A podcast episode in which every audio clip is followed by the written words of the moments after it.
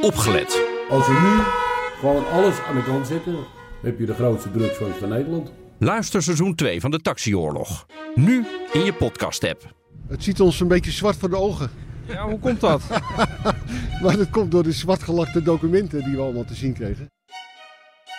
Deze podcast is genomineerd voor de Dutch Podcast Awards. Ben jij fan? Breng je stem uit via podcastawards.nl. Powered by BNR. Dit is een podcast van BNR Nieuwsradio.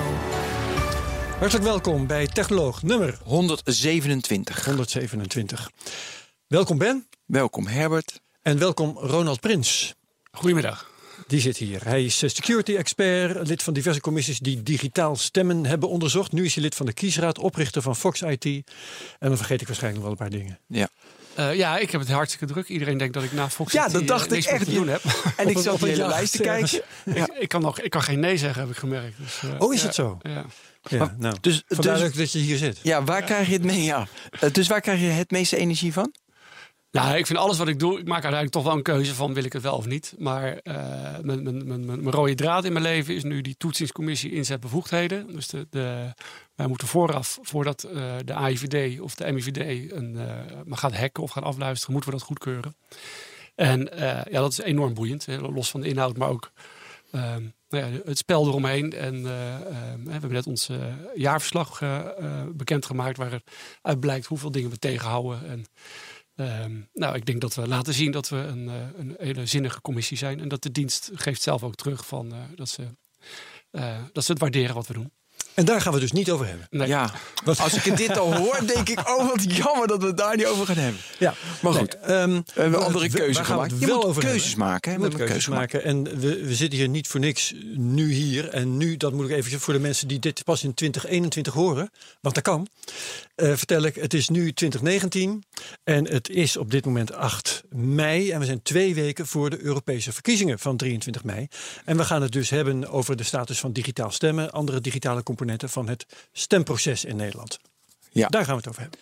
Klopt. Herbert, voordat we beginnen, Ja. ja. ik heb er een hekel aan, maar die podcast awards Oh ja. zijn er weer. Oh ja. Mensen moeten stemmen. Maar op goed podcast. Ja, weet ik. Wij zijn genomineerd. Ja, maar heel kort. Genomineerd. voor de Dutch Podcast we hebben vorig jaar gewonnen en het, Ja. ja. Een beetje twee keer winnen is veel moeilijker. Ik heb getwitterd, wij willen een abonnement. Een abonnement. Nee, maar als mensen geen zin hebben, dat snap ik wel. Want dan moet je weer naar die website. en Nee, dat snap ik eh, eh, helemaal niet. Gewoon even Oh. stemmen op ons. Ja, ik had zelf al dat ik weer, oh ja, ik moet stemmen. Heb ik mevrouw de e-mailadres ingevuld. Om nou zelf op te stemmen is ook zo raar. Maar goed, podcastaward. Hoeveel e-mailadressen heb jij? Eh, Toch wel genoeg? ja, wel veel. Ja, maar goed. Ja. Ik, nou ja, maar ik ook, ook in de e-mail van mevrouw. Maar bij Gmail kan je altijd die puntjes tussen je die naam zetten. Hè? Ja, Een dus onbeperkt steeds meer aantal puntjes. e-mailadressen. Ja. En dan eh, heb je heel veel adressen. Nee, dus het is zou voor de. Ja, waarom eigenlijk? Ben is het Burg, belangrijk? Bart van de Burg, Nee. Barend van de Burg. Wat wel leuk is, jij bent ook genomineerd met de CryptoCast in dezelfde categorie. Dus Ja, we- dat we is concurreren stom nu. is dat. Ja, we concurreren nu onderling. Ik moet het met, tegen mijn familieleden zeggen, ja, moet je nou op de technoloog of op de cryptocast? Nee, maar ik vind wel, de CryptoCast verdient het ook. Ik vind het prima. Maar mensen, eh, ste- vooral stemmen. gewoon stemmen. Want dat is ook met de verkiezingen, Europese verkiezingen. Het belangrijkste is dat je stemt. Podcastawards.nl, daar moet je heen. Podcastawards.nl. En dan heb ik hier nog een huishoudelijke mededeling. Op 13 juni dan staan wij de technoloog live op te nemen op het IBM Think evenement. En ehm, dat wordt heel leuk. We hadden de, eh, eind oktober de 100ste technoloog. Dat was een geweldige gebeurtenis met eh, live publiek en met fantastische gasten. Eh, deze keer hebben we Tijmen Blankenvoort, onze vaste eh, AI-expert. En we hebben Viviane Bendermacher, met wie we gaan praten over de vrouw in de technologie. Dat wordt dus geweldig. En het leuke is, onze fans, onze vaste luisteraars, die eh, mogen daar ook komen. Als je je registreert op, en nu komt het, eh, www.ibm.biz slash de technoloogregistratie. Allemaal achter elkaar. www.ibm.biz slash de technoloogregistratie. Wordt hartstikke leuk als onze vaste fans daar ook komen. Ehm, en eh, doe dat dus allemaal. Eh, ook in de show notes zullen we dit neerzetten. Ehm, iedereen moet komen. Ronald Prins, ehm, wat eh, was er ook weer mis met de stemcomputers die we ooit hadden in Nederland? Ja, dat was al een, paar jaar geleden. Nou ja, een van de belangrijkste dingen uiteindelijk is dat daar. nou, ze zijn formeel is dat gestopt omdat het stemgeheim daar niet mee te garanderen viel. Hè. De, Ja. Rob Gronkrijp en andere jongens hebben laten zien dat als je buiten stond met een apparaatje en iemand stemde op het CDA, Eh, want op de A staat een dingetje. Ehm, Een dat- accentje, ja. ja, en dan dan deed het beeldschermpje van het apparaat iets anders. En dat kon je met een simpel scannertje van 100 euro van de gulden. De CDA-detector hadden ze bedacht. Ja, dan kon je dus zien dat er iemand binnen daarop Ja. zat te stemmen. En, eh, en, en ik denk dat het terecht is dat we heel erg eh, waken dat het stemgeheim eh, gewaarborgd blijft. Ehm, en nou ja, dat was een hele goede reden toen om te zeggen, nou dan laten we die apparaten weg. Maar uiteindelijk het totaal denk ik van de transparantie eromheen was nou niet zodanig dat je zegt van ja, eh, als er een uitslag uitkomt, dan weten we ook zeker dat het klopt. Dat was puur allemaal op basis van vertrouwen en dat Ja. er allemaal goede mensen zijn. En, eh, en ik ben heel blij dat het toen al gestopt is, dat we nu niet die discussie opnieuw hoeven te voeren. Eh, want nu is de wereld nog anders. We hebben nu dreigingen. We hebben gezien dat landen bezig zijn om, om eh, verkiezingen te manipuleren. Ook op een, op een digitale manier met beïnvloeding. Ehm, die stemcomputers die, eh, die wij toen hadden, die waren niet veilig. In Amerika hebben ze een hele hoop merken en type stemcomputers. Voor zover die eh, ooit onderzocht zijn, eh, hadden ze allemaal gapende gaten. Ehm, ik weet van geen veilige stemcomputers. Jij, is het eigenlijk wel mogelijk, veilige stemcomputers? Ja, Knopje drukken, uitslag. veiligheid is natuurlijk ook een, een, een- iets van een schuifje is. Hè, wanneer is het veilig genoeg? Ja. Ehm, nou ja, we, hebben ook met die, met die eh, deskundige groep en andere commissies eh, voor BZK toen onderzoek naar gedaan. En uiteindelijk is het wel het idee dat je iets kan maken. Eh, maar dan kom je wel op het niveau dat het bijna onhandelbaar wordt. Los van alle kosten en dat het heel veel geld gaat kosten. Ehm, je komt dan in de, in de common criteria wereld terecht, waarbij je, je ziet nu een hele bijzondere apparatuur in de rakettechnologie en in de, eh, maar ook voor de cryptografische toepassingen, zoals onze overheid zijn staatsgeheimen beschermt. En nou, bij Fox deden we dat natuurlijk ook. Dus ik had er veel inzicht in wat de complexiteit meebracht om dat soort spullen te maken. En dan kan je nog misschien eventueel een veilige computer maken tot het niveau 4 of 5, er zijn allemaal gradaties in. Ja, dan moet hij ook wel eh, het is nooit die computer alleen. Hij moet in een veilige setting staan. En je moet je Ja. voorstellen, we hebben 10.000 stemlokalen. En die staan bij al die apparatuur moet opgeslagen zijn tussendoor.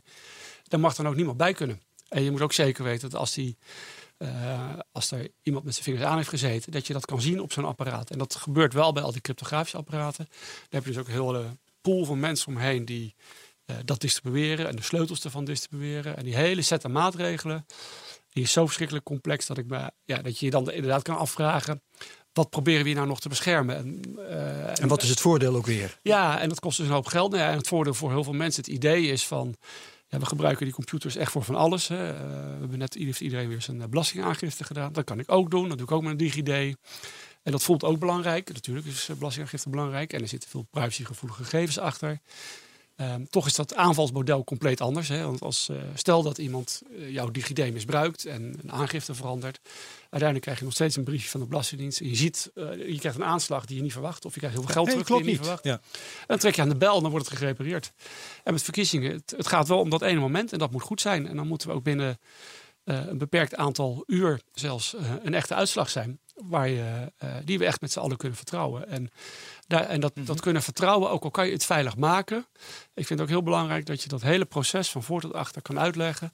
Dat al onze moeders eh, dat ook begrijpen wat er Ja. nou precies gebeurt. En niet dat dat allemaal Ja. door hele knappe technologen ontwikkeld is. En die zeggen, ja, vertrouw ons maar, dit zit wel goed. Ja, kun je iets meer vertellen over die superveilige computers? Want dat hebben we nog nooit gehad hier. Ehm, nou ja, kijk, wat daarbij zit is dat er een, een eh, moet ontzettend goed van tevoren definiëren wat je er allemaal mee kan. En alle features die erin stopt, dat gaat altijd, eh, dat zijn altijd weer nieuwe risico's.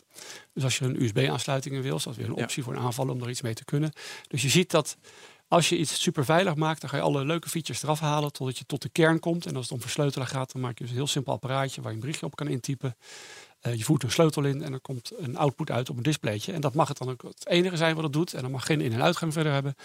En, ehm, maar er draait software binnen en die moeten eh, mensen gaan ontwikkelen. Maar wie gaat dat dan ontwikkelen? Dan moet je eh, mensen hebben die je vertrouwt, want die stoppen de software erin. En ehm, nou, die, die moet dus gescreend worden. Dus je krijgt zo'n Ja. hele procedure. Maar eh, dat ontwikkelen doen ze ook ergens in een, in een gebouw. En dat gebouw moet beveiligd worden. En nou, bij Fox hebben we ook de discussie uiteindelijk gehad. Moet er niet permanent, gezien het hoeveelheid staatsgeheimen die daar dan ligt, eh, bewaakte beveiliging voor de deur staan. Omdat je anders, eh, dat, dat, die hele set aan maatregelen om, omheen is gigantisch complex. Nou, het moet geaudit worden. Dus moeten anderen moeten naar gaan kijken en gaan zeggen, ja, dat is goed. Ja, een half die later- beveiligers moeten zelf ook te vertrouwen zijn. Ja, stel ik me en, voor. en dan een half jaar later merk je toch, nou, we hadden het iets anders gewild. Dus moet er een update komen. Nou, dan kan het hele proces weer opnieuw beginnen. En dan die ene update, Dan kan je zeggen, ja, dat zijn misschien tien regels code. Maar je wilt toch zeker weten dat regels code niet ook weer van invloed is op andere delen van wat je gedaan hebt. Dat er een side effect ontstaat waardoor het totaalpakket weer niet goed is. Nou, het is eigenlijk een ramp en daarom zie je ook dat die, die eh, bijzondere producten die gebruikt worden in de, voor die staatsgeheime encryptie, dat die nooit de normale markt zullen bereiken. Die zijn niet interessant, ze zijn niet te beheren. De beheerders moeten weer gescreend zijn eromheen en alles. En, Als, als eh, ik dit lange verhaal kort probeer te maken, dan, dan komt het er eigenlijk op neer. Je moet ehm, computers eh, en, en, en digitale technieken eigenlijk alleen maar gebruiken als het echt niet anders kan. eh, ja, dat is dan wel heel erg zwart. Ik denk dat, dat in de... Het is fatalistisch hoor, Herbert, dit wel. Nou ja, ik, ik hoor heel Ja. veel moeilijkheden. Ja, dat, Ja, maar nee, we zeiden even extreem veilig. Want ik vond het even leuk om Ja. dat proces. Ja. Ik vind het wel, Ja, maar ik, ik vind wel ook, ik vind wel dat we eigenlijk in de, dus in de brede zin, even los van verkiezingen, dat eh, ehm, die, die digitalisering die maar doorgaat, dat brengt meer risico's met zich mee dan we ons realiseren. Hè? Ja, En ja. kijk, als het om staatsgeheimen gaat, dan weten we historisch dat moet je goed beveiligen, want er zijn spionnen die proberen erachter te komen. Maar we zijn ook allerlei processen aan het digitaliseren, waarbij we niet zo heel hard eh, naar die security aan het kijken zijn. Eh, nou, denk maar aan zelfrijdende auto's. Eh, Goed voorbeeld. We zien, vooral, we zien vooral alle voordelen. Het heeft ook uiteindelijk safety waarde. Dus de security is anders dan safety. Safety, die, die zelfrijdende auto's gaan er misschien wel voor zorgen dat er minder verkeersongevallen plaatsvinden. Maar voor een aanvaller is dat die, die een land wil lam leggen, is dat misschien juist heel interessant als je opeens van een bepaald merk eh, kan inbreken en bij al die auto's tegelijk op de rem Ja, kan trappen. en is, Dat is een risico, maar er is natuurlijk, als het om die auto's gaat, is er een heel scala aan risico's. Eh, chantage bijvoorbeeld. Ja. Hè? Als, eh, als je niet betaalt, dan parkeer ik je tegen een boom. Precies. Bij wijze van spreken. Dus, privacy-risico's zijn de meest krankzinnige dingen opeens Ja, actueel. daar. En, en die auto zit vol met microfoons en sensoren en camera's. Dus het is, eh, ja, het is een rijdende Big Brother. Groot feest. Oké, daar hebben we het nu niet over. Ehm, kiezen. Even terug, eh, want we hadden het over die stemcomputer, daar heb je iets over gezegd. Ehm, we gaan het straks hebben over de huidige situatie, maar ik wil nog eventjes eh, naar één tussenstation. Want een van de laatste dingen die je hebt gedaan in dat hele proces van eh, hoe gaan wij in Nederland digitaal, gaan we in Nederland digitaal stemmen? Ehm, dat was het onderzoeken van de mogelijkheid om te komen tot een stemprinter en een digitaal telsysteem daar weer achter. Ja. Waarom is dat er uiteindelijk niet gekomen? Of misschien moet je eerst zeggen waarom dat op een gegeven moment een optie is geworden. Ehm, ja, dat er waren wel commissies voor mijn commissie. Eh, ja, dat die is hadden- hele estafette van commissies. Ja, hè. een stuk en- vijf, zes achter elkaar. En eh Cortes Altes is er mee bezig geweest. En daar kwamen uiteindelijk een aantal waarborgen uit. Dat is voor mij ook de allereerste keer dat echt beschreven is. Wat, we nou, wat vinden we nou belangrijk in een verkiezingsproces? Ja. En eh, dus de elementen dat het geheim is. En dat je maar één keer mag stemmen. En dat het toegankelijk is. Nou, ja, een heel rijtje. Ja. En ehm, Transparant, niet te vergeten. transparantie. En dat is toen pas opgeschreven. En daarna is toen was toch wel de druk, de vraag vanuit de, de Tweede Kamer van eh, ja, we willen wel eh, elektronisch stemmen. Dus ga eens verkennen dat als met dat als uitgangspunt, hoe zou dat eruit zien? Nou, en toen hebben we heel snel al gezegd, ja, dan, dan wordt het dus niet één apparaat waarbij we eh, we, komen met z'n allen binnen op de, op de verkiezingsdag en we kiezen allemaal eh, het, eh, nou, misschien wel op het hoofd met een touchscreen van wie je wil kiezen.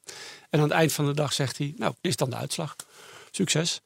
Want als dan iemand zegt, ja, ik vertrouw dat helemaal niet wat hier gebeurd is. Dit kan niet, deze uitslag. Ja, wat kan je dan gaan doen om te controleren? Nog dat een keer op de knop drukken, hè? Was het eh, met Ja, dan eh, print hem nog een keer. Ja, dan print hem nog een keer. Nou, het is niet dat die printer een foutje maakt natuurlijk. Dus eh, die zal heus wel hetzelfde printen dan. Maar ehm, nou ja, als je dus die vraag wil stellen en we kunnen beantwoorden... dan moet je dat, dat proces opbreken in tweeën. En toen kwamen we dus op het idee van... Nou, maken we een stemprinter en een stemteller. Ja, want En- papier moest leidend zijn, had de commissie van Beek gezegd. Ja. eh, tussendoor. En, ja. en dan heb je dat eh, papiertje uiteindelijk, hè, wat uit de printer komt, wat, in een, eh, eh, wat geteld wordt, maar wat ook in een bus zit. En als iemand dan twijfels heeft voor die transparantievraag, kan je dan ook gaan zeggen, nou, gooi die bus maar om en ga dan maar met de hand tellen. Ja, dus ik, en dan moet het zelf uitkomen. dus, dus, ik dus ik klik wel op een, op een hoofd, Ja. op iemand. En dat wordt dan uitgeprint. Eh, En ja, dat kan ik dan controleren. ja, en dan, maar dat zitten zoveel details in. In België hebben ze dat bijvoorbeeld. En dan, dan komt er een QR-code uit. En dan denk ik, ja, jij kiest eh jouw voor. Ik ga geen, ik, is een beetje gevoelig als ik weer voorbeelden noem. Want dan denken mensen dat zeg. ja. Maar jij kiest partij XIZ, nummer 4 erop. Maar dat kan je zelf dan eh, niet lezen op dat briefje. Dus dat staat een QR-code, want dat moet weer ergens gelezen Ja. worden. En ik vind, eh, ja, dan, dan moet je dus, dus hebben we weer bedacht, nou ja, om dat dan te ondervangen, eh, komt mensen met het idee, nou, dan hangen we kastjes op in het stemlokaal en dan kan je zelf daaronder hangen. En dan komt er op displaytje te staan, dit Dat is inderdaad. XIZ4. Ja. Maar ja, dat kastje, dat is niet voor jou. Dat is van, eh, eh, dat heeft ook Is dat wel weer eh, betrouwbaar? eh, iemand, een, een, een organisatie, een autoriteit opgehangen. Dus dan nou, kom ik met het idee, nou dan wil je misschien eigenlijk dat, eh, dat, er, dat het allemaal eh, open source, open standaarden zijn. Iedereen kan er naar kijken. Dat er gewoon mensen zijn die, zoals een Simon Ruhoff, die zegt: Ik vind het leuk, ik ga een appje maken. En je scant zelf met je eigen telefoon. Dan stond je eigen controle. Maar dat was er weer eh, te, te baanbrekend zo gedacht. Dat je op die manier eh, dat zou gaan doen. Dus dat, dat heeft uiteindelijk het papier niet gehaald in onze eh, rapportages. Ehm, maar uiteindelijk zijn we eruit gekomen. Laten we nou gewoon printen wat we allemaal kunnen lezen. We hebben prima scanners tegenwoordig. Die kunnen ook gewoon XIZ lezen. Wat, wat wij kunnen lezen. Dat kunnen die met die OCR-scanners ook prima lezen. En, ehm, en dan schuif je die in een, in een optical reader. Maar dan krijg je de, uiteindelijk de vraag aan de achterkant. Dat apparaat wat die optelling doet. Mhm. Dus de, de scan, de scan, het scanapparaat. Of de tel- en scanapparaat. Daar komt dan ook weer een strookje uit. Met nou, ik heb zoveel van partij 1, partij 2, partij 3. ge- Of lijst 1, lijst 2, lijst 3 eh, geteld. Hoe ga je dat nou vertrouwen? Dus dan moet er weer een steekproef komen. Want je wil dat apparaat kunnen vertrouwen. Ja, controle. We hebben een, eh, een, eh, een hoogleraar statistiek gevonden in Groningen. Ik weet niet meer hoe die man heet. Die we dit hele probleem vertelt. Uh, Ja. Zegt, ga je nou eens rekenen dat als wij met een 95% zekerheid willen weten dat die telcomputer dat die goed werkt, wat voor soort steekproef moet je dan doen? En er kwam er iets uit, redelijk. Nou, ik dacht in de orde van 100 biljetjes moest je met de hand gaan controleren. Maar 100 biljetjes 100 van, van één tel. eh, van, van één, oké, van één stembureau, Ja. zeg maar even gemakkelijk. Ja, maar er zijn misschien wel meerdere tellers zelfs. Hè? En, Ja, ja, ja. En, maar eh, ik vind principieel, je moet elk apparaat op zich moet je testen of die gemanipuleerd is. Dus niet, we doen een sample over heel Nederland. We gaan kijken, elk apparaat. Waar kwamen we toen op uit. En, ehm, maar ja, dan ontdek je weer, ja, je pakt een briefje uit de stapel. Er staat XIZ1 op. Maar ja, hoe weet je nou hoe die geteld is? Dus dan moest er weer op geprint worden. Welk volgnummer die had bij tellen. Want dan komt dat ding komt naar een lijst. En dan zegt 833 heb ik geteld, dus XIZ1. Nou, Ja. Dan moet je dus dat biljetje eruit trekken.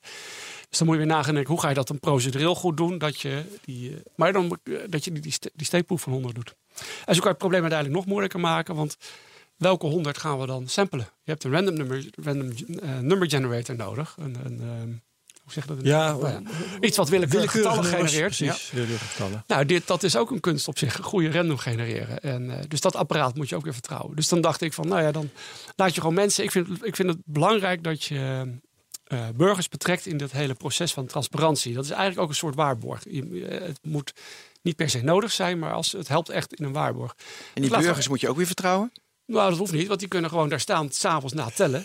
Eh, of of bij, het, bij, bij, het, bij dat telproces na negen. Hè. En als het apparaat eh, klaar is met zijn, met zijn optelling. Ja, maar die kunnen buiten beïnvloed zijn. Die kunnen, be- weet je, dus Ja, maar het enige wat ik van zo'n burger zo, dat kan allemaal, gaan we vast straks ook nog over hebben. Maar het enige wat ik dan zou willen is dat zo iemand zegt, nou, check voor mij 344. Nou, en dan ga je dat dan doen. Dus de random generator Ja. is dan, Is dan de burger. zijn de burgers. Ja. En, eh, Maar hoe nou, random is de burger? Nee, ik doe dit expres even flauw.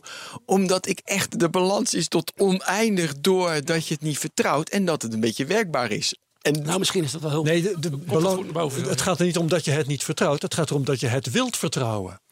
Hoe, hoe richten we het in dat je het kunt vertrouwen? Ja. Daar gaat het toch om. ja, maar ik leer nu dat je het uiteindelijk... kan je natuurlijk oneindige vragen blijven stellen. Ja. Van, ik kan Nee, het maar- niet vertrouwen. Ja, maar dat is vooral een eigenschap. Ik ga e- even voor, Ronald. eh, ik Ja. heb er ook wel eens in verdiept, zoals je misschien weet. Ja, je boek dat, dat is vooral een, een eigenschap van dat digitale proces. Waarbij je steeds afvraagt, ja, maar eh, kan ik dit eigenlijk wel vertrouwen? Terwijl het papieren proces dat we altijd hadden, daar hoeft hij alleen maar bij te staan. Ja. En dan kon je zien dat er inderdaad geteld werd. En dat mensen gewoon keken naar die, eh, die kleurtjes, eh, de, die, Ja. die roodgekleurde hokjes. Dan kon je als burger met je neus bovenop staan. Niet dat iedereen dat deed, helemaal niet. Bijna niemand doet dat. Maar het kan. Maar, je- maar je weet nog steeds niet, en dat zie je in tv-series nog wel eens, dat iemand met een koffer met 500 al ingevulde stembiljetten binnenkomt en ook even ergens ingooit. Hè? Dat is. Ja, Dus Ja, dus, eh, ook, Herbert ook, ook in het Blankenstein. papieren Ja, proces kan je leuke dingen Oké, doen. de- de- zeker. zeker. Oh, dan, ga- dan ga ik me nu tegen Ronald verweren. Maar dat want, schaalt niet want zo dat goed. schaalt niet, wil Nee, ik ik net wist al wat je zeggen. ging zeggen, En, eh, een foutje in het digitale proces, dat schaalt meteen wel. Dat weet jij ook. Ja. En een foutje in eh, dat met die eh, papieren, dat schaalt niet. Want dan moet je met, eh, voor elk stembureau moet je met 500 eh, biljetten eh, klopt. binnenkomen. Ja. Ja. Oké. Goed, die random nummers, da- daar, dus dat is het proces. Nou ja, uiteindelijk, maar ik denk wel. Maar uiteindelijk eh, kwam die stemprinter met dat digi- digitale telapparaat erachteraan, die kwam er ook niet. Nee, maar ja, dat is allemaal politiek. En ik weet niet hoe, hoe ver je daarin wil gaan. Maar eh, een Maar minister. ik wil gewoon even weten waarom en- die er niet gekomen En is. ministerswisselingen. Ja, oh ja, ja, ja. nou ja, ja, ja. toen is dus uiteindelijk is, heeft de Kamer gezegd, het totale plaatje met die stemprinter en die stemmenteller en alle omstandigheden eromheen en de kosten gezegd, nou, laat toch maar even niet doen. Was het niet dat de gemeente op een gegeven moment zeiden van nou, dit hoeft eigenlijk voor ons ook al lang niet meer? Eh, nou, die zagen wel van dat eh, als het met al deze eisen moet en wij moeten zo'n bewaker voor zo'n Ja. ruimte zetten. Met Duur, ingewikkeld, Ja, dan en- tellen we liever die biljetten. Eh, nou, dat, dat heb ik ze nog nooit horen zeggen. maar uiteindelijk is, de, ehm, is daar gewoon geen keuze gemaakt. En, ehm, en er is er een nieuw kabinet gekomen. Wat wel jammer is, want daarvoor liep er al een proces waarbij we gekeken naar eh, wat handzamere stembiljetten. Dus niet van die grote flappen. Maar gewoon A4'tjes. Ja. En een A4'tje waarbij dan niet eh, op, met dezelfde layout het was, maar waarbij je alle lijsten hebt staan. Van 1 tot nou, 50 desnoods op de bovenste helft en de onderste helft. En daar kan je gewoon zeggen eh, alle partijnamen, PvdA, CDA, VVD, PVV. En op de onderste helft van 1 tot 50. En dat zou eventueel een voorkeurskandidaat zijn. Kandidaat nummer zoveel kies ik. En dat is een van de modellen, dus nog een ander model. Maar dit is degene die, waar het meest over gediscussieerd is uiteindelijk. En dat, is, eh, dat zou voor de tellers, want eh, eigenlijk, we zitten dat hele proces van het digitaliseren te doen, omdat er mensen last van hebben van het papieren proces. En eh, voor die tellers zou het een stuk makkelijker zijn als je niet hoeft uit te vouwen. Kijk, zo'n stapel A4'tjes Ja. kan je heel snel zo kijken. En dan kan je op één bureau bijna kan je ze allemaal op een stapeltje leggen. En we hebben ook eh, testen ermee gedaan. En dan bleek dat je binnen een uur, was je een hele bus, was gewoon klaar. En eh, het is trouwens net zo snel als dat je zou ehm, scannen met een apparaat wat ook nog moet printen en je steekproef moet doen. Oké. Dus, de, de, eh, dus die, die winst is er niet. Maar ik heb uiteindelijk wel gemerkt dat ook mensen die met de hand tellen, eh, die maken ook foutjes. Tuurlijk. En, en eh, het is ook soms, nou ja, het, het is ook best wel pittig werk uiteindelijk als je voor een hele grote stapel zou moet wegwerken. Ehm, en nou, als je, het- als je, eh, jij bent vast wel eens geweest, Herbert, in zo'n stemlokaal bij ja, tellen. Je tuurt wat af naar zo'n biljet waar dat rode Nou ja, stipje en, staat. en je kan zomaar eens een keer met het opstapelen weer de hele helft op de verkeerde plek leggen. En zo. Ja. Dus de, de fouten die daarmee eh, geïntroduceerd worden door de mens, eh, daarvan is mijn stelling dat je eigenlijk wel heel goed ondervangen door daar de computers voor te gebruiken. En uiteindelijk hou je dus een proces waarbij. Hoe dan? Wat voor techniek nou, pas je dan toe? is, nou ja, eigenlijk zeg je dus de, we laten de, als je bijvoorbeeld die eh stemmenteller zou inzetten, dan laat je de, het apparaat de eerste telling maken van alle eh, papiertjes die er doorheen gegaan zijn. Daar komt een uitslag uit. Dan kan je met een steekproef of met de hand alsnog doen. En eh, ja, dan moet hetzelfde uitkomen. Ja. Hè? En, en daarmee kan je dus als, het, als de personen een fout maken, zegt die computer dat klopt niet. En door die steekproef die de personen doen, die kunnen zien of de computer zijn werk goed doet. Dus je hebt daar twee, het zijn de de best of both worlds denk ik, waarbij het bij elkaar komt. En je elkaar helpt controleren. Alleen ja, heel veel mensen vinden dat dan eh, eh, misschien ook wel heel complex om dat zo in te voeren. En, Ja. en je ziet al hoe lang we al bezig zijn. eh, hoeveel context je moet Zo. hebben om uiteindelijk te snappen waarom dingen complexer zijn dan ze eh, in de eerste instantie misschien lijken. Maar die A4'tjes zijn er dus ook niet. Die zijn er ook niet. En dat is, heeft de minister wel toegezegd van de, mm, nou, heel scherp heb ik dat niet. Maar de- daar gaan we in ieder geval weer naar kijken, uit, de- uit de la pakken. eh, om dat te gaan onderzoeken en dat eh, te gaan invoeren. Want eh, daar is een dubbele reden voor. Als je op papier eh, kiest en papier telt, dan is dat sowieso al praktischer. Maar bovendien, als je die A4'tjes hebt, dan zijn ze ook makkelijker machinaal te tellen als je daarvoor zou kiezen. Ja, want dat uitvouwen, dat zouden altijd mensen nog moeten doen. En een A4'tje. Ja, dat is inderdaad een heel gesodemieter uh, we op, dat, op dat stembureau. Ja. Ja, oké. Ehm, nou, oké, we hebben dus geen stemcomputers en we hebben geen eh, stemprinters en, en, en telmachines. En ook nog, geen. A4'tjes. En wat we ook niet hebben, want dan wordt vaak gezegd van, oh, maar weet je wat, dan gaan we gewoon stemmen via het mobieltje.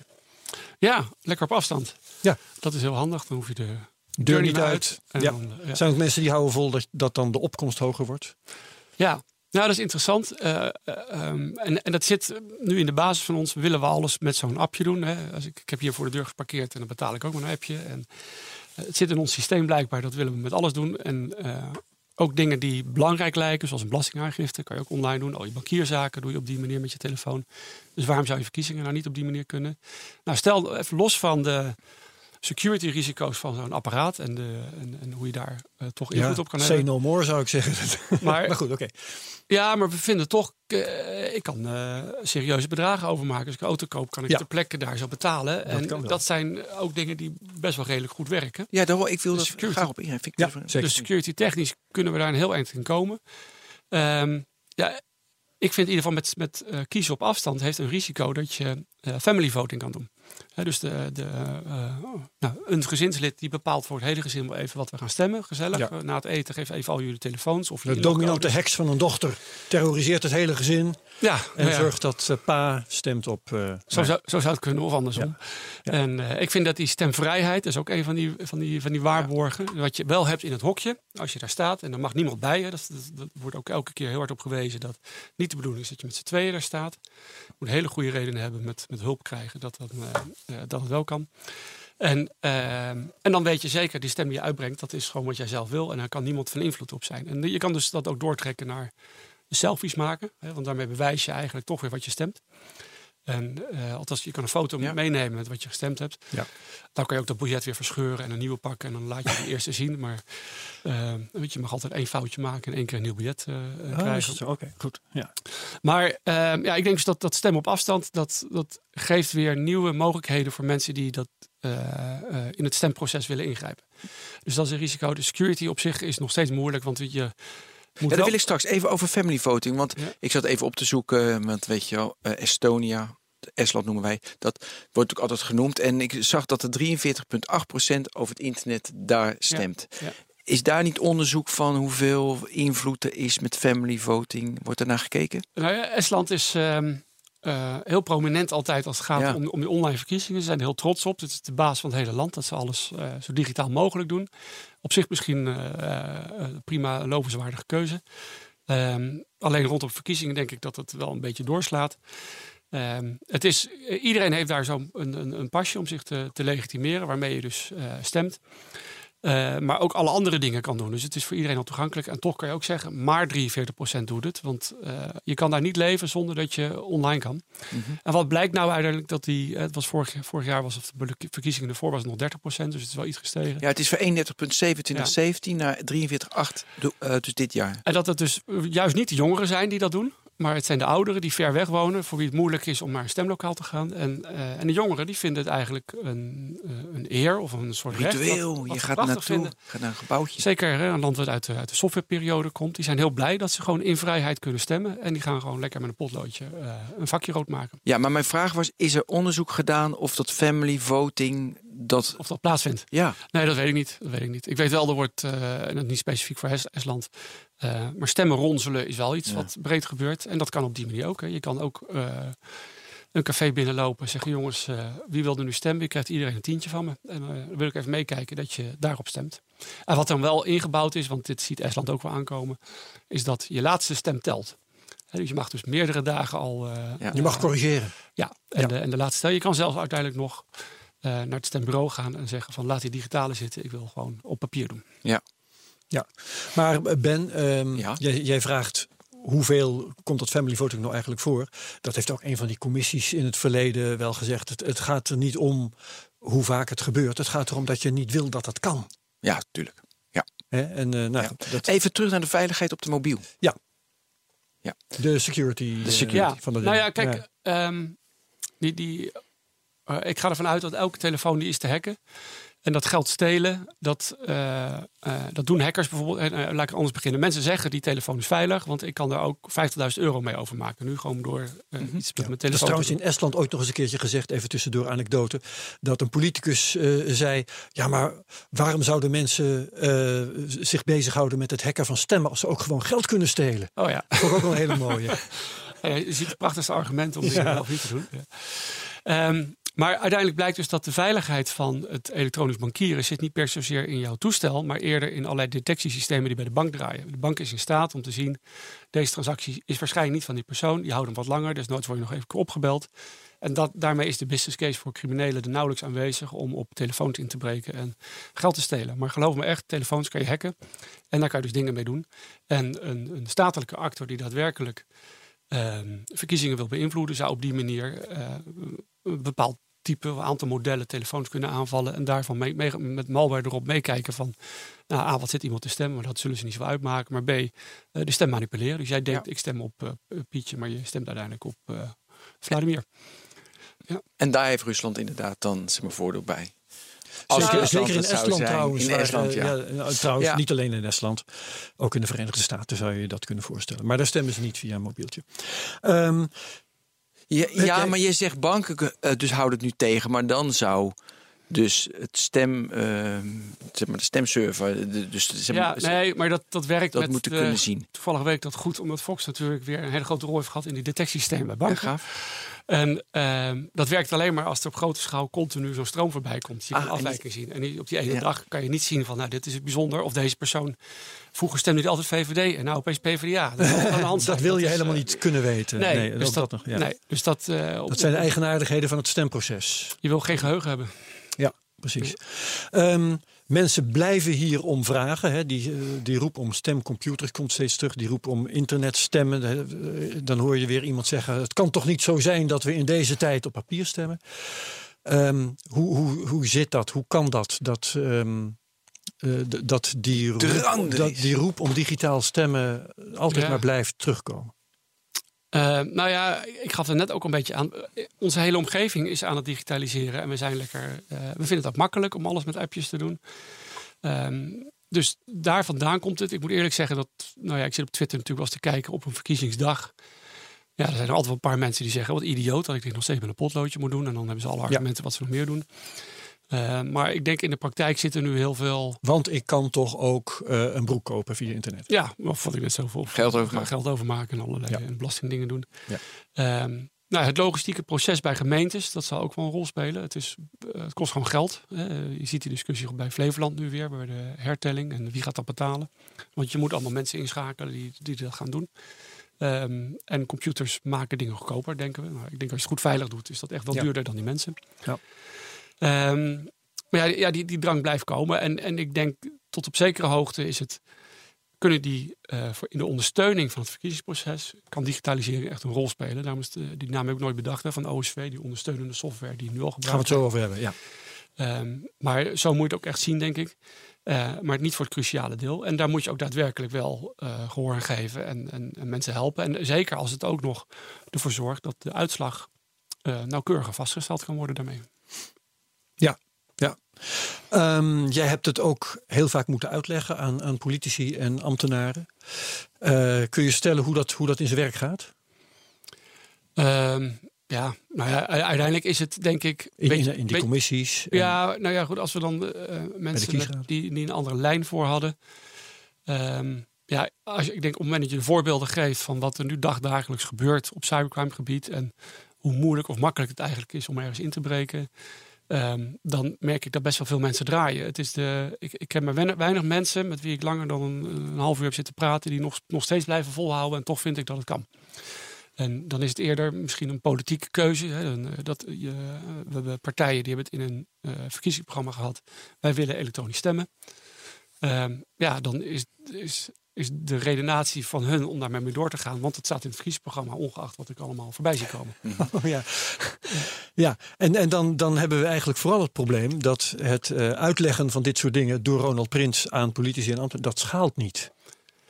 Nou ja, ik, jij hebt nu 12.000 luisteraars. Dat gaat toch best hard? Dat, ja, zet wel wat, Ja, maar die alle luisteren het ook. Maar ik nog even, wat voor zeg maar, argumenten eh, dus gebruik je allemaal? Dus naar die politici. Wat voor voorbeelden in cybercrime? Zo leek om een beetje concreet te maken. Nou ja, eh, eh, veel uit, ehm, uit, het, uit de wereld van waarbij hackers hebben eh, geprobeerd geld te stelen uit computers en uit, eh, uit telefoontjes. Eh, de DDoS-aanvallen hebben we het helemaal niet over gehad. Die, zijn, die hebben we ook allemaal gehad en voorbij zien komen. Dus dat banken meerdere dagen plat gaan, ook in Nederland. Internet kunnen je heel makkelijk DDoS'en Nou ja, dat is dus Ja. dat punt waar, ik- waar ik heen wou. Ja, en ja, ja. eh, we, hebben- we plannen een verkiezingsdag. En als er eh, eh, eh, nou, maar één idioot, maar wellicht zijn er misschien maar tien die denken van leuk, ik ga dat verpesten. En Ja. dat kost niet echt veel geld. Ja, dan, dan hebben we een prachtig appje wat heel, veel, heel goed getest is. Misschien ook super veilig lijkt, maar we kunnen gewoon onze stem niet uitbrengen. En dan hebben we echt een probleem. En dan moet je het een week uitstellen. Maar ja, die DDoS lukt een week later heus nog wel. We kunnen best wel wat veiliger maken. Maar de aanvaller zal altijd winnen met DDoS aanvallen. Ehm, dus de, ja, de continuïteit van een verkiezingsproces is ook heel relevant. En dus aan die voorkant, denk ik, zie ik niet heel veel ruimte om eh, met digitalisering iets te doen. En eh, de, de mensen zijn dan uiteindelijk toch wel na een kwartiertje met een paar van dit soort voorbeelden wel overtuigd. Nou, laat dat maar zitten. Maar aan de achterkant, daar zit trouwens ook, als je verkiezingsuitslag wil manipuleren. En Herbert, je zei dat net ook al, hè, waar, waar, zit nou schaal? Niet, dat ene stemlokaal, ja, als het om gemeenteraadsverkiezingen gaat, maar misschien maar voor de landelijke verkiezingen, moet je juist eigenlijk gaan ingrijpen. ehm, daar waar de, waar de eh, uitslagen bij elkaar komen, waar geaggregeerd wordt.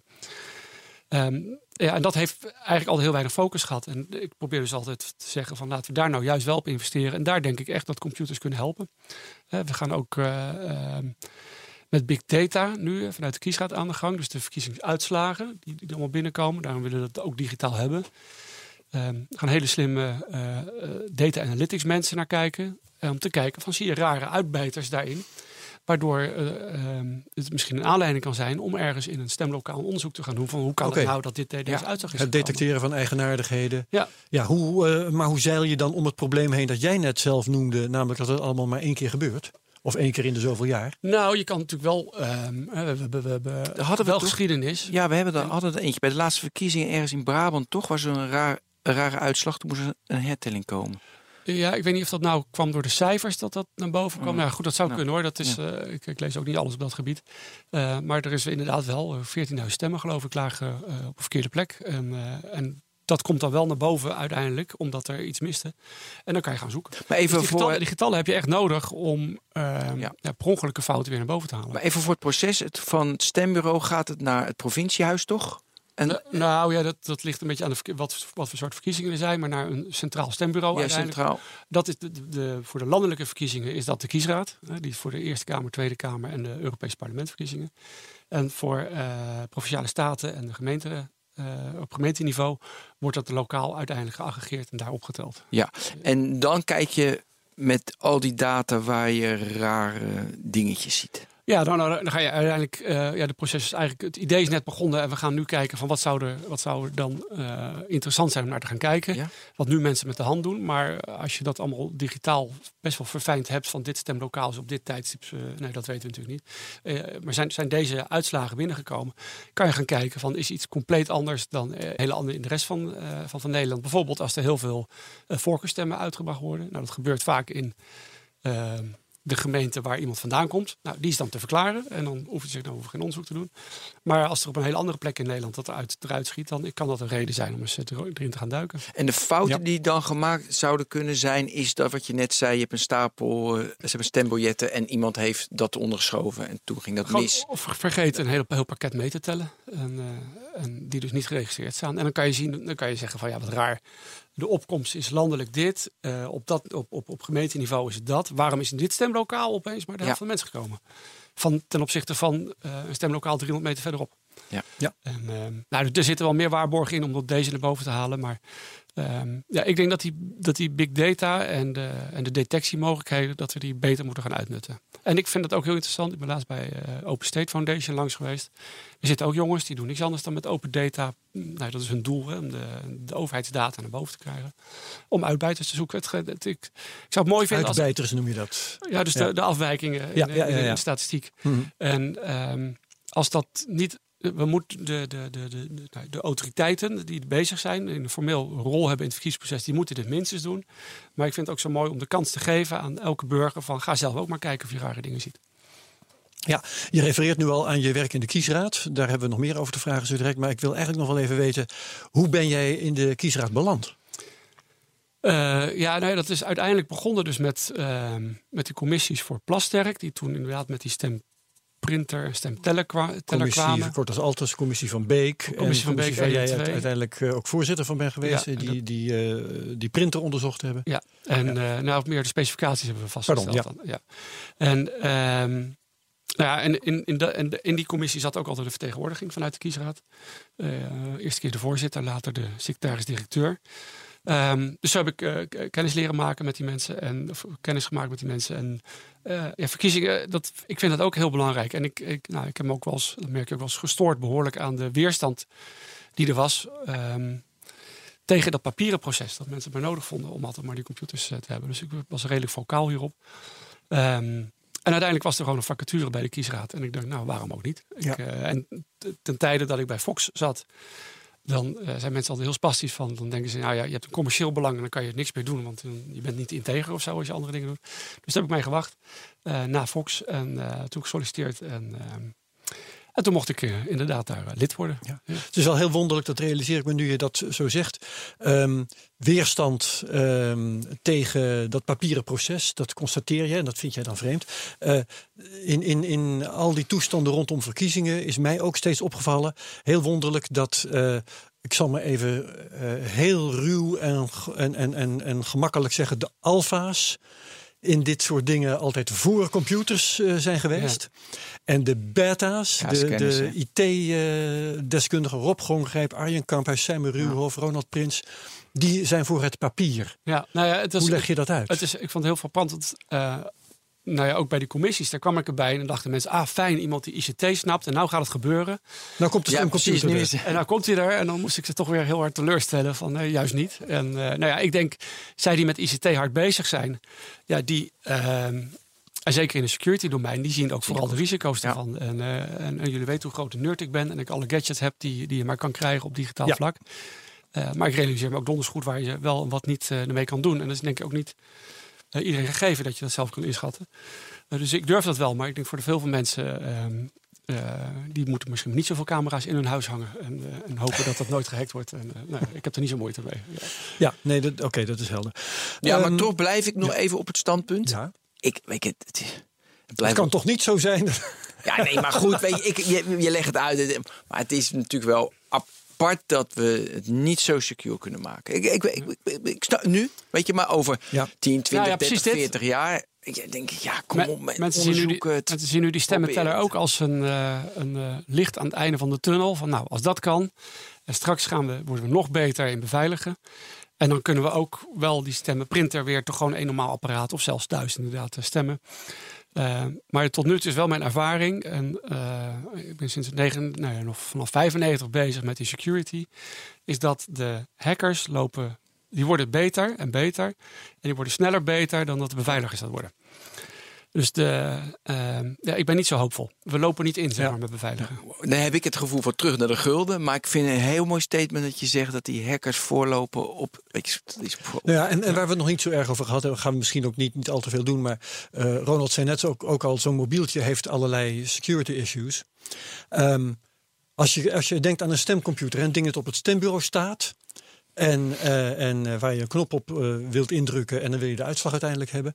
Dan kun je tegen mensen zeggen, luister, vind je dat het ding goed beveiligd moet zijn? Hè? Dat het aan eisen moet voldoen, dat het gekeurd moet zijn. En, en dan zullen mensen waarschijnlijk zeggen ja.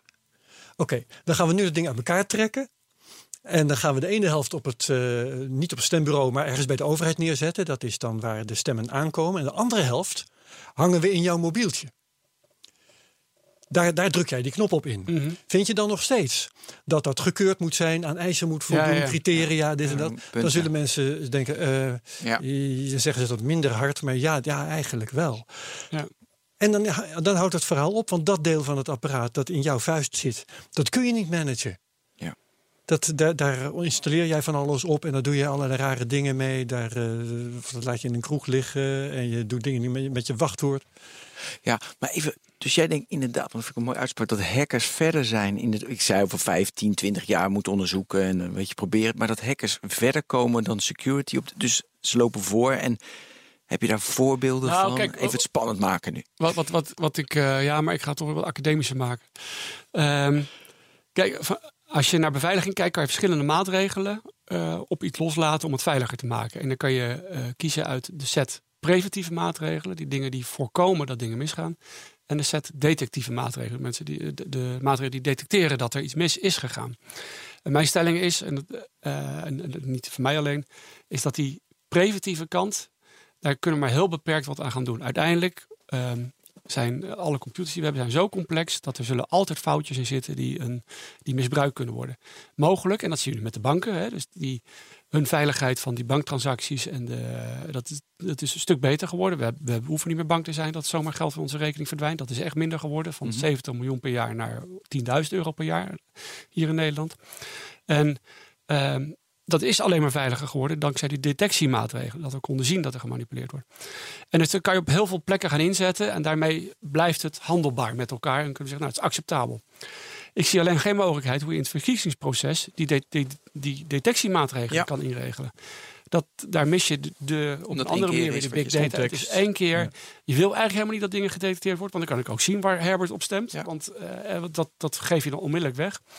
Dus die context past niet op de manier van hoe we nu eh, nog de beveiliging redelijk in de hand weten te houden. Dan is eigenlijk de verkiezing intellectueel het meest uitdagend. Omdat het nu eigenlijk onmogelijk is. Nou ja, en dat is, dan kom je eigenlijk wat op de oplossing. Doe maar gewoon op papier. Zo uitdagend is het, hè? Ja, mooi. idee. Oh, wat erg. Oké. Eh, is er Ehm, een vergelijkbare? Want ik, ik, ik probeer het te verzinnen. Wat is vergelijkbaar met verkiezingen? Wat moeten we nog meer op papier blijven doen? Bij wijze van spreken. Ja, of wat Ja. ook eenmalig is en wat het eh, transparant Nou, moet dat, zijn. dat zou ik nou zo gaan. Nee, ja, ik zit al een, ongeveer 10, 15 minuten te verzinnen wat is vergelijkbaar, maar ik kom er ook niet op. Maar ik ben wel met je eens, het verkiezingsproces is echt iets unieks. Ja. En, eh, Ja. en, de, en de set van waarborgen, dus die, die zeven of acht, ik weet het niet meer. Die maakt het heel complex om daar nou om dat in een digitaal vat te gieten. En iets te maken wat ook aan die zeven, acht waarborgen uiteindelijk ook voldoet. Ja, en, en eh, hebben we nog niet eens zo benadrukt, maar het, het belang ervan, hè, dat je op, Ja. met verkiezingen ga je. Het is, het, is, het is niet zo dat je iets betaalt of zo. Nee, betaling is. Of, of voor de beste podcast of zo. Nee, dat is allemaal, allemaal onzin. Maar je gaat. inderdaad. Oh, sorry. ver- verkiezingen voor de beste podcast. Dat, dat kan via internet. Ja. Geen probleem. Nee, ze moeten potloden. Op Kom, papier. kom aflevering Ja, precies. Ja. Nee, maar even, even serieus. Het belang, je, gaat- je zit te bepalen wie er de basis in het land. Ja. Hoe een land bestuurd wordt. En eh, ik, Rob, Rob Grongrijp zei een keer voor- tegen mij... ik geloof de zevende economie van de wereld. Want ik weet niet precies. Maar in elk geval toch een eh, behoorlijk eh, economische macht ook. Zit je toe te kennen aan de winnaar van de verkiezingen. Ja. En dat wil je niet in handen geven van een of andere belanghebbende... die, die toevallig net wat slimmer is dan jij. Ja, nou, ik denk, denk dat het heel valide punt is. En, en wij hier in Nederland, waar het de laatste jaren vrij rustig is, beleven we het helemaal niet zo. Dat die verkiezingen, dat is een. eh, ik vind zelf verkiezingsdagen ook een soort feestje van de democratie. Dat is leuk. En ik heb s'avonds mooi tv. En, Ja. ehm, maar we, we realiseren ons niet dat daar inderdaad mensen ehm, op zouden willen ingrijpen. En dat is allicht ook niet al te serieus gebeurd in het verleden. Maar de wereld is echt veranderd nu. En Ja. eh, daarom moeten we het nog beter beveiligen. Ja. Ehm, de afkorting OSV is al gevallen. Eh, ondersteunende softwareverkiezingen heet het, geloof ik. Ja. In ieder geval, eh, we hebben dus geen, we, we- hebben een papieren proces eh, voor het stemmen, voor het eh, uitbrengen van onze stem. We hebben geen stemcomputers, we hebben geen internetstemmen, we hebben geen ehm, eh, digitaal stemmen telapparaat. Ja. Allemaal door mensen gedaan. En toen is pak een beet, twee, drie jaar geleden. Iedereen had het eh, eigenlijk over het hoofd gezien. Toen eh, is gesignaleerd, maar wacht eens eventjes. We hebben nog wel het optellen van de stemmen. Dat gebeurt op doodgewone computers. En daar is eigenlijk, dat is eigenlijk stemcomputer 2.0. Dat is eigenlijk net zo onveilig als wij altijd vonden dat die stemcomputers... of nee, als wij uiteindelijk ontdekt hebben dat die stemcomputers waren. Ja. Dus ehm, kun je het verhaal van die OSV's vertellen? Wat is daarmee mis en wat, eh, hoe, hoe ondervangen we dat? Ja. Nou ja, kijk, OSV wordt dus uiteindelijk gebruikt ehm, ja, aan de achterkant van de stemlokalen om de, de, de totale optelling te kunnen maken voor, voor Nederland. Als het om Dus al die mensen die, die met die biljetten in de weer zijn geweest, die zeggen: Oké, we hebben zoveel CDA, zoveel gaat. Ja, PvdA. die vullen het op een formulier in uiteindelijk. Dat Oké. is een proces verbaal, komen handtekeningen onder. Maar de getalletjes die eruit komen, steeds. ja, dat vullen ze nog op papier Ja. in. En eh, dat wordt dus een proces verbaal, heet dat, met een handtekening onder. Eh, maar de getallen die ze invullen, eh, die vullen ze ook in in een computerprogrammaatje. En dan moet je dat zelfs twee keer doen, dat het allemaal niet verkeerd kan gaan. Ehm, en uit dat programma ehm, rolt uiteindelijk weer eh, de output van, van die locatie, een USB, die je op een USB-stick mee kan nemen. Die brengen naar een centraal punt, dat lees je daar allemaal weer in. En dan kan je zo al die optellingen eh, naar boven toe maken tot aan het Centraal Stembureau. Waarbij uiteindelijk zelfs die software zegt, nou, dan hebben we nu zoveel zetels voor die partij en zoveel zetels voor die partij. En bij het woord USB-stick gaan bij mij al de nekharen overeind staan. Ja, nou ja, goed. En ja, we kunnen heel erg op inzoomen op de USB-stick. Nee, dat hoeft Eh, niet. De, eh, want dat heeft iets, brengt iets goeds mee en iets lastigs mee. De USB-stick kan je natuurlijk prima gebruiken om malware te verspreiden. Hè. En eh, waar komt de USB-stick vandaan dan die je Ja, gebruikt? wie heeft hem in eh, handen gehad? Ja. Ja, en um, waar, nee, de, de supply chain, waar haal je die vandaan? Maar ook een. Ja, China natuurlijk. Maar, maar je kan dus ook. Ja, je weet zeker dat ding gaat in allerlei com computers waar Ja. iets met de, met, de, met de uitslag gebeurt. Dus dat is altijd interessant om daar die malware op te zetten. Ehm, dus er is nu ook gezegd, die USB-sticks, dat mag nu niet meer. Dat heeft uh, Oké. BSK besloten in de circularis. Dus dat doen ze ook niet meer. Alleen dat helpt ons weer niet in onze big data detectie Ja. achteraf vanuit de kiesraad. Waarbij we zeggen van, ja, we willen eigenlijk wel die eh, bestanden maar digitaal hebben. Dus die zijn Mhm. later apart eh, alsnog eh, wel gestuurd. Maar ze zijn geen essentieel onderdeel meer in die optelling. Waar weer wat voor te zeggen is, want daar zit die modder op. Dus maar dat hoe is, gaat het dan wel als het niet met USB-sticks gaat, van A naar B? Gewoon online? Ehm, nou, nou, naar ons toe, maar dan, dan is het niet meer om de uitslag eh, per se vast te stellen, maar dan is het Nee, om, om de rare uitbijters eruit Ja. te kunnen halen. Oké. Maar voor de rest worden dingen gewoon eh, door mensen verhuisd van punt A naar punt B. En, eh, maar goed, die OSV die draait dus, die, die is eh, oorspronkelijk ontwikkeld door de Dus kiesraad. even even voor de, voor de helderheid. Die papieren processen verbaal, die gaan nu dus ook op papier naar de kiesraad. Heb ik dat goed? Eh, nee, die Nee. gaan niet op papier naar ons. Wij krijgen daar eh, kopieën van. Volgens mij. Nou, ik moet eerlijk zeggen, dat proces, dat stukje. Maar, dat, maar het wordt niet meer in een computer ingevoerd. Nog steeds, toch? Jawel, uiteindelijk wel. Ja, daarom. En, en, eh, Anders kan je die data-analyse niet maken. Maar hoe komt het dan? Het zit in die computer bij de kiesraad. De, bij, bij die landelijke verkiezingen krijgen wij die data eh, inderdaad wel. Hoe? Ja, oké. ja, maar is ik weet- ik processen zijn echt belangrijk, hè? Ja, ja, ik, ja. moet- moet eerlijk zeggen, ik zit heel erg hard op die digitale eh, eh, dingen te focussen. Ehm, wat het vervelende is met die OSV, dat is eh, software wat je heel veilig kan maken, zo veilig als je wil. Maar uiteindelijk komt het te draaien op omgevingen eh, waar je geen controle over hebt. Wat je net De ook zei, PC. met- met die, op een PC bij eh, ergens in, in een gemeentehuis. En, Ja. Dus je wil ook eisen stellen aan die PC. En nou, dat kan je doen, dus dat ze niet een standaard PC pakken, maar dat ze nou, het liefst bijna gaan naar een willekeurige mediamarkt, koop er daarin. Dan weet je, die zou goed schoon kunnen zijn. Hang hem niet aan het internet. Maar ja, er blijken dus weer gemeentes te zijn die eigenlijk hebben alleen maar eh Citrix werkplekken. Dus die kunnen eh, virtueel werken in, in één grote server. Die hebben geen losse computers meer waarmee ze dat soort dingen kunnen doen. Ehm, dus, en dat Dus wordt, ook geen air-gapped. eh, dus dat wordt ook wel een beetje de uitdaging voor hierna. Hè, want er moet een, we moeten de OSV nog even in de lucht houden. Zo heeft de minister dat ook toegezegd. kunt Dus niet zonder. we kunnen niet zonder. Ehm, maar, maar daarna moet er wel iets anders gaan komen. En, en ik vind het uiteindelijk van belang, en dat model dat wordt nu eh, aan heel hard gewerkt, van hoe gaat het er nou uitzien, dat we dus niet afhankelijk zijn van die digitale optellingen die er plaatsvinden. Er moet dus altijd iets naast zijn waardoor we zeker weten dat wat, dat- wat het OSV zegt, dat dat klopt. Door bijvoorbeeld eh, met de hand altijd alles nog een keertje eh, na op te tellen. Alles maar op lijstniveau. Dan heb je een detectiemechanisme waar je kan zeggen, nou, dit, is, dit wijkt af van wat die computers zeggen. En op het moment dat je één keer eh, weet dat dat parallele papieren proces goed ingeregeld is, dan gaat de druk er ook vanaf om dat super secure te maken van het digitale proces. Ja, als je maar checkt, dan, eh, dan kun je. En dan bouw je toch weer die detectie in in feite. eh, Ja. op, die, op die digitale. dan kan, kan malware doen wat hij wil, maar Ja, dan maar ontdek je het dat boven. Maar toch, ehm, er zit nog wel één aspect, vind ik, erbovenop.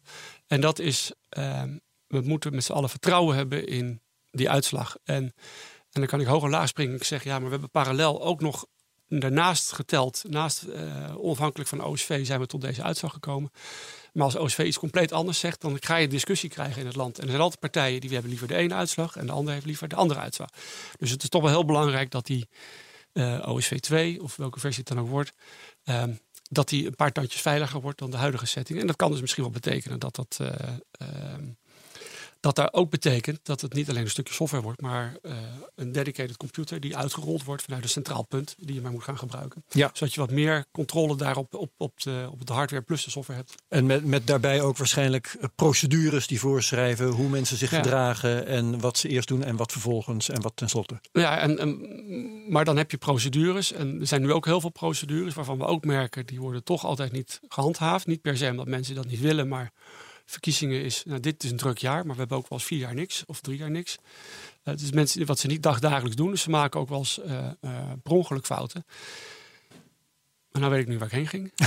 De, de vraag was procedures. Hoe belangrijk worden die? Eh, als ik ja, jou ja, zo ja, zo, ja, en dan- weet ik mijn punt. En uiteindelijk, je wil dus ook een mechanisme hebben dat, dat wat decentraal gebeurt, want er gaat, in, in het verkiezingsproces gebeurt heel veel decentraal, dat je zicht op hebt dat dat goed gebeurt. En ehm, nou, in Engeland hebben ze bijvoorbeeld iets als eh, reporting officers. En dat zijn ehm, volgens mij normaal eigenlijk gewoon ambtenaren. Maar op verkiezingsdag werken zij voor de, de kiesraad in Engeland. En die mensen, dat zijn een soort eh, nou ja, waakhonden die rondlopen. Waarnemers eigenlijk. Ja, Wat ehm, wij wel naar Afrika sturen Maar dan- en zo. En, eh, eh, ja, maar ik zou het niet helemaal vergelijken met waarnemers. Maar we sturen trouwens naar alle delen van de wereld, Ja. niet alleen naar Afrika. Maar, Ehm, en die reporten terug van, nou, ik heb het gezien, ze hebben inderdaad het apparaat gebruikt op de manier zoals moet. En eh, een heel vinkenlijstje van. En dan heb je daar wat meer zicht op. En, ehm, maar daarmee ga je wel iets van de autonomie van de gemeente weghalen. En dat gaat dan naar een wat meer centralere autoriteit. En ehm, misschien is dat dan een bruggetje. Kijk, de kiesraad is nu, als je. Daar kwam ik eigenlijk ook pas achter toen ik er een keer lid van was. Als je nu kijkt in de kieswet, wat is nu de kiesraad? Dat is het Centraal Stembureau bij de landelijke verkiezingen. Dus daarmee stel je de uitslag vast voor de landelijke verkiezingen. Want je verzamelt al die stemmen. En het tweede is, je bent een adviesorgaan. Je mag gevraagd en ongevraagd advies geven waar het de verkiezingen betreft. Ja. Maar heel veel meer heb je niet over te zeggen. Zoals met de laatste provinciale statenverkiezingen of met eh, gemeenteraadsverkiezingen. Ehm, ja, daar heeft de kiesraad formeel geen rol in. Eh, die- dus een, eh, het heeft een helpdesk waar je vragen, met, met vragen terecht kan.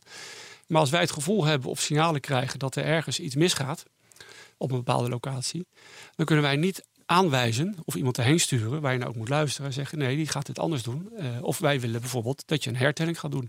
Of in het ergste geval zelfs een herstemming. En, ehm, en ik denk dat ehm, nou, eh, daar moeten we naartoe werken volgens mij. En, en eh, eh, we proberen alle neuzen één kant op te krijgen. En dat lukt wel. Dat, je, dat die kiesraad ook naar een 2.0 gaat. Dus dat het, en dan misschien ook een andere naam moet krijgen, verkiezingsautoriteit. Ja.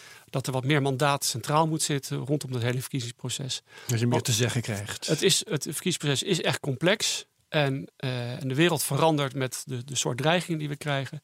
Daar past ook bij, en ik zie dat in alle landen om ons heen, Mhm. dat je wat meer een echt orgaan hebt wat eh, goed zicht houdt op die eh, open, eerlijke en vrije verkiezingen die moeten plaatsen. Wat voor bevoegdheden wil je daar precies voor hebben? Nou, dat moeten we echt uitwerken. Maar in ieder geval wel een lijntje richting die decentrale locaties. Dat je dus kan aanwijzen van, nou, wat wij hier allemaal nu zien.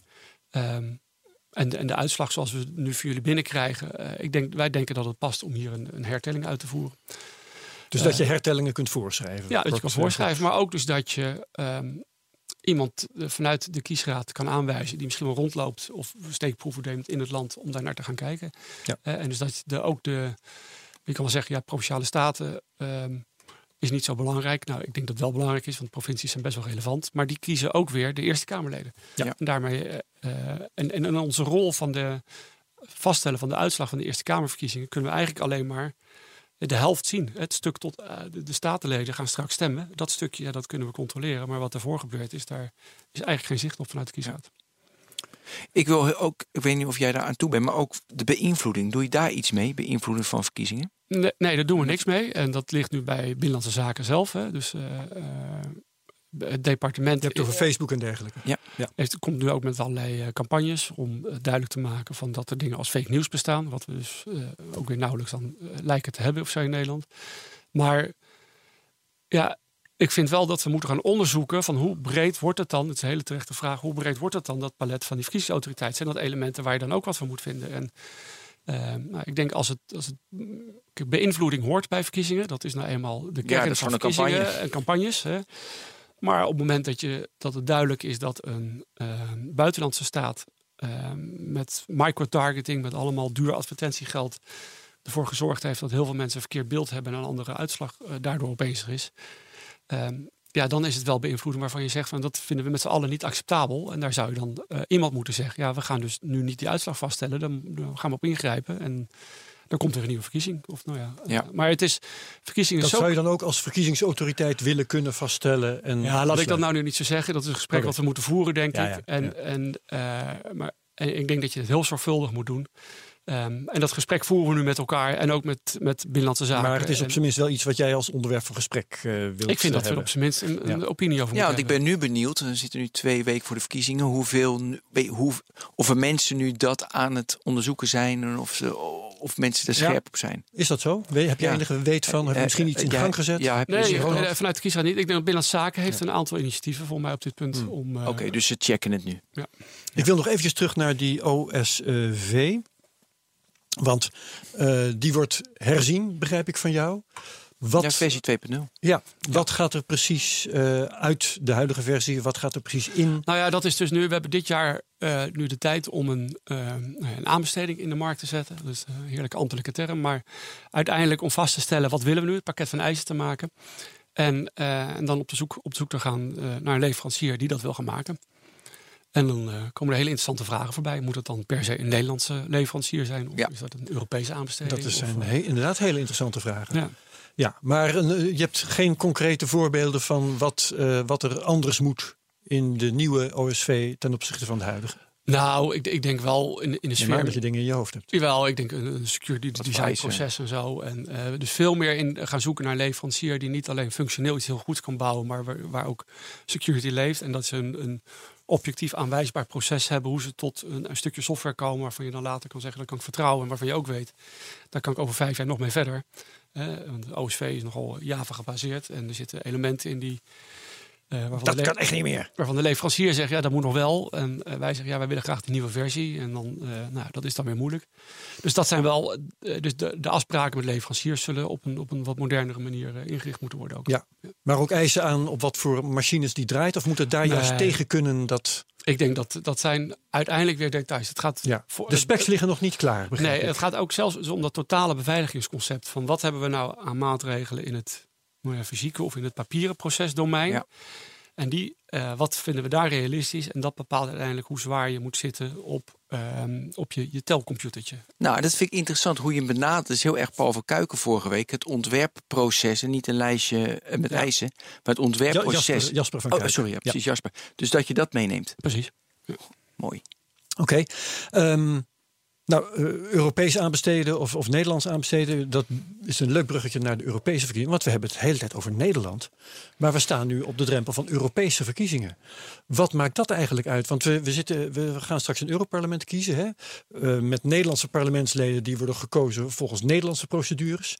En die zitten naast Estse Europarlementsleden die gekozen zijn met mobieltjes. Ja, ja. Ehm, denk jij daarover na? Wat, wat, eh, wat- dat jouw taak? Hoe moeten wij daarover Nee, denken? Eh, het is- ik denk moet ik- Euro- Europa dat standaardiseren op een of andere manier? Nou, ehm, misschien dat je initieel denkt wat raar dat we dat allemaal anders doen. Hè? Hm. Ehm, maar uiteindelijk, dan, als je dat zou gaan standaardiseren, wordt dat ook gelijk de standaard voor de landelijke verkiezingen. Want je, het, is, Ja. het is nu al logistiek een heel complex proces. En dan zou je dus opeens zeggen, nou ja, voor de eerste en tweede Kamerverkiezingen gaan we deze apparatuur en dit proces gebruiken. En voor Europese verkiezingen dit. Dus ehm, ik denk ook niet dat het heel haalbaar is om per land aan, eh, nu, dat moet, want elk land moet dan wijzigen. Te zeggen, we gaan het allemaal op een andere manier, uniforme manier doen. En je ziet hoe complex het al is om in Nederland ehm, uiteindelijk stappen vooruit te kunnen maken. En, en deze keuze te kunnen maken. En als je dat op Europees niveau wil doen, dat we voorlopig geen verkiezingen hebben. Is duidelijk. Ben, Nee, ja, nee, ik ben klaar. ja, je zou nog wel door willen gaan. Ik ook wel, maar het uur is vol. Het uur is vol. Dankjewel Ronald Prins. Ja, top. Graag gedaan. Dankjewel. Eh, goede verkiezingen gewenst. Over eh, twee Ja, weken ik na vind het wel leuk dat het bij jou ook een ritueel is. Bij mij is het ook een ritueel. Ja. Ik ga echt met de familie, wandelen wij expres naar het lokaal. Er staat altijd een hele rij. Je komt alle buren tegen. Vlaggetjes in je hand. Nee, niet dat niet. Maar dit, is... Nee, maar ik, ik heb, mijn zoon is eh, net 18 geworden. Je Ja. eh, met de Provinciale Staten en Waterschap voor het eerst stemmen. En toen heb ik ook gezegd, laten we nog om vijf voor negen gaan, net voordat hij dicht gaat. En, eh, dus ik sleep hem in ieder geval mee dat hij zijn gaming eh, stopt en dan eh, naar buiten gaat om te stemmen. Dat was het moeilijkste van de dag. Het is 300 meter lopen. En het is ook heel leuk om dan. En, eh, en, en ja, ik zou het fijn vinden als meer Nederlanders dat doen. Niet dat je pas om vijf voor negen gaat stemmen, want het wordt een hele lange rij. Maar dat je na negen uur daar ook bent. En gewoon gaat kijken van wat gebeurt er dan. En, en dan merk je toch dat eh, niet iedereen altijd even scherp heb- heeft hoe zo'n proces loopt. Want eh, ze wilden mij. eh, die mensen zeiden tegen mij van jij zit hier nu, maar het is afgelopen. Wat wil je nog meer zien? Ik zeg nou, ik wil graag bij het tellen straks kijken. Nou, dan moet u eerst even naar buiten. Dan gaan we de bussen openmaken. Ik zeg, ga helemaal niet. Ik wil mijn Nee, ogen op de bus kijken. houden. Dus, ja. En dan, ja, dat was dan een van de stembureauleden. En toen ging de voorzitter een boekje erbij pakken. En die ging dan voorlezen. Oh ja. En, er staat, en dan zegt hij zelfs nog, eh, ja, u mag, oh ja, u mag ook opnames maken. En toen ging een ander lid in het stembureau zeggen, ja, maar ik wil mijn hoofd er niet op. En ik denk, ja, eh, dan moet je niet deze functie innemen. Ja, ik heb zijn hoofd er niet opgezet. Maar, maar het is voor iedereen interessant Ja. om dat eens mee te, eh, mee te Ja. maken. Dus reduceer het niet tot het drukken op een knop. Precies. In het belang van onze democratie. Dit was de technoloog, als ik me niet vergis, toen 127. Ja. Ja, met Ronald Prins, lid van de kiesraad en daarnaast nog een hele hoop meer. Dankjewel, Ben van den Berg. ja, jij ook heel erg bedankt. Mijn naam is Herbert Blankenstein en eh, heel graag tot de volgende technoloog. Dag. Hoi.